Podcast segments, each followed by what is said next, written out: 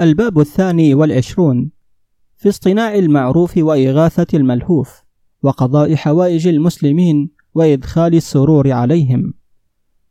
قال تعالى بسم الله الرحمن الرحيم. ولا تنسوا الفضل بينكم. البقرة 237 وقال تعالى وتعاونوا على البر والتقوى. المائدة الآية اثنان.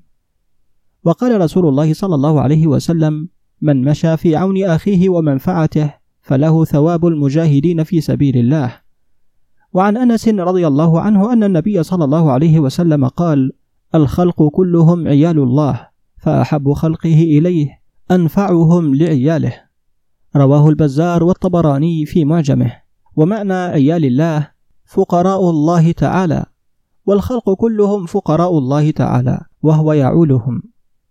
وروينا في مسند الشهاب عن عبد الله بن عباس رضي الله عنهما عن النبي صلى الله عليه وسلم أنه قال خير الناس أنفعهم للناس.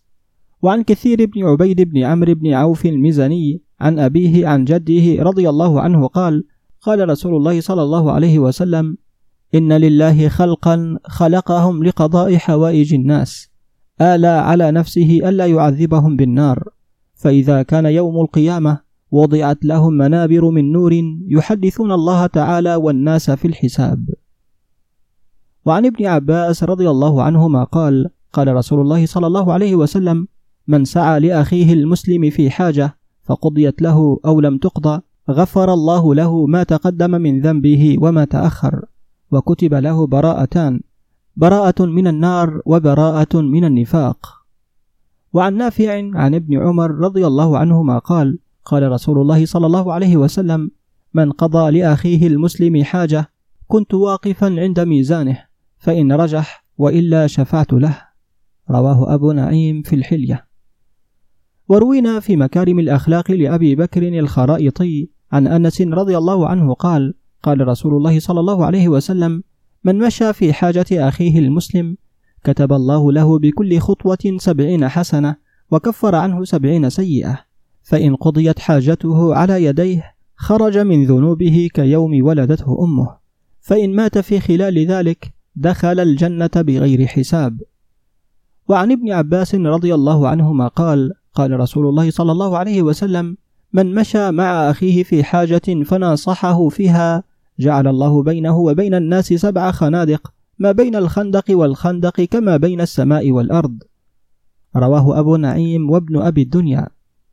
وعن عبد الله بن عمر رضي الله عنهما قال قال رسول الله صلى الله عليه وسلم إن لله عند أقوام نعما يقرها عندهم ما داموا في حوائج الناس ما لم يملوا فإذا ملوا نقلها الله إلى غيرهم. رواه الطبراني. وروينا من طريق الطبراني بإسناد جيد عن ابن عباس رضي الله عنهما قال قال رسول الله صلى الله عليه وسلم ما من عبد أنعم الله عليه نعمة فأسبغها عليه ثم جعل حوائج الناس إليه فتبرم فقد عرض تلك النعمة للزوال.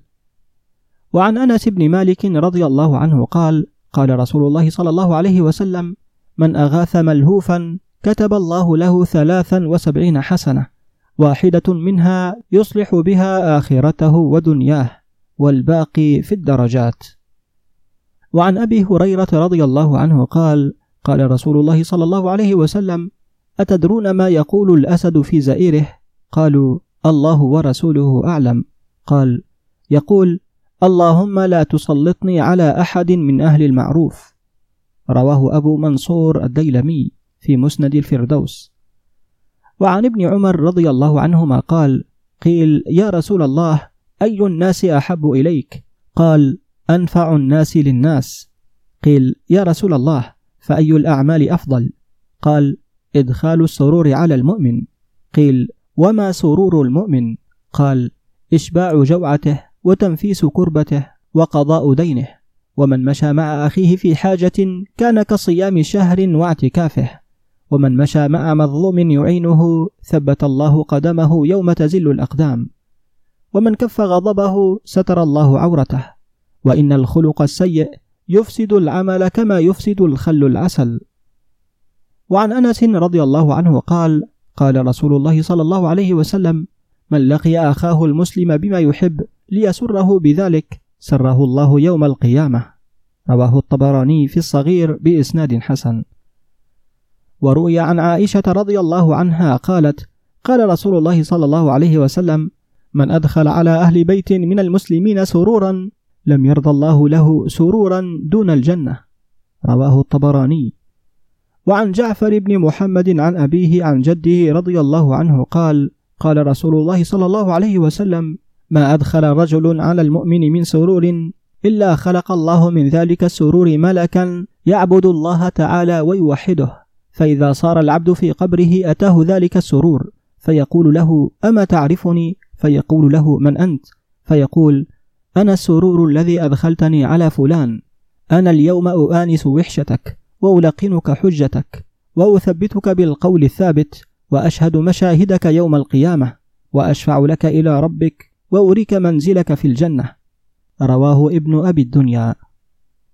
وعن علي بن أبي طالب رضي الله عنه يرفعه إذا أراد أحدكم الحاجة فليبكر لها يوم الخميس وليقرأ إذا خرج من منزله آخر سورة آل عمران وآية الكرسي وإنا أنزلناه في ليلة القدر وأم الكتاب فإن فيها حوائج الدنيا والآخرة وهو حديث مرفوع.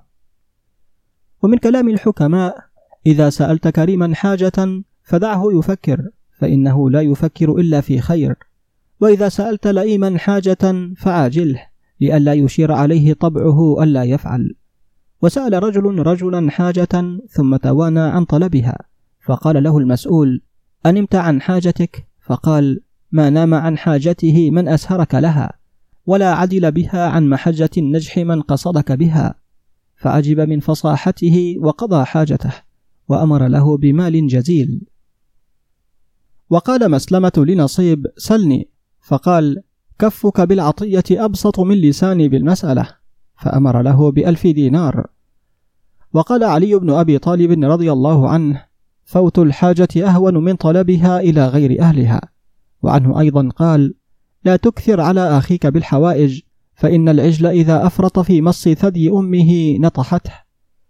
وقال ذو الرياستين وهو الفضل بن سهل السرخسي أبو العباس وزير المأمون لثمامة بن أشرس ما أدري ما أصنع بكثرة الطلاب. فقال زل عن موضعك وعلى ألا يلقاك منهم أحد. فقال له صدقت. وجلس لهم في قضاء حوائجهم. وحدث أبو جعفر محمد بن القاسم الكرخي قال عرضت على أبي الحسن علي بن محمد بن الفرات رقعة في حاجة لي فقرأها ووضعها من يده ولم يوقع فيها بشيء فأخذتها وقمت وأنا أقول متمثلا من حيث يسمع هذين البيتين. وإذا خطبت إلى كريم حاجة وأبى فلا تقعد عليه بحاجبي. فلربما منع الكريم وما به بخل ولكن سوء حظ الطالب. فقال وقد سمع ما قلت ارجع يا أبا جعفر بغير سوء حظ الطالب ولكن إذا سألتمون الحاجة فعاودونا فإن القلوب بيد الله تعالى. فأخذ الرقعة ووقع فيها بما أردت. وسأل إسحاق بن ربعي إسحاق بن إبراهيم المصعبي أن يوصل له رقعة إلى المأمون. فقال لكاتبه ضمها إلى رقعة فلان. فقال تأن لحاجتي واشدد عراها فقد أضحت بمنزلة الضياع. إذا شاركتها بلبان أخرى أضر بها مشاركة الرضاع. وقال أبو دقاقة البصري أضحت حوائجنا إليك مناخة معقولة برحابك الوصال. أطلق فديتك بالنجاح عقالها حتى تثور معا بغير عقال وقال سلم الخاسر إذا أذن الله في حاجة أتاك النجاح على رسله فلا تسأل الناس من فضلهم ولكن سل الله من فضله. ولله در القائل حيث قال أيها المادح العباد ليعطى إن لله ما بأيدي العباد فاسأل الله ما طلبت إليهم وارج فرض المقسم الجواد. وعن عبد الله بن الحسن بن الحسين رضي الله تعالى عنهم قال أتيت باب عمر بن عبد العزيز في حاجة فقال إذا كانت لك حاجة إلي فأرسل إلي رسولا أو اكتب إلي كتابا فإني لأستحي من الله أن يراك ببابي.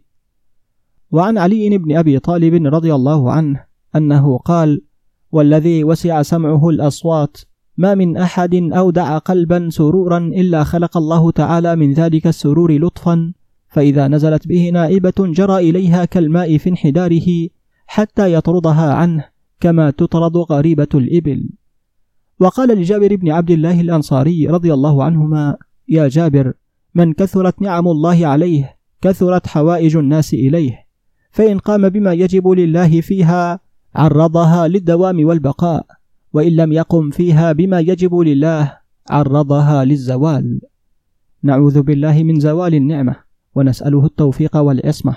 وصلى الله على سيدنا محمد وعلى آله وصحبه وسلم تسليما كثيرا دائما أبدا إلى يوم الدين. والحمد لله رب العالمين.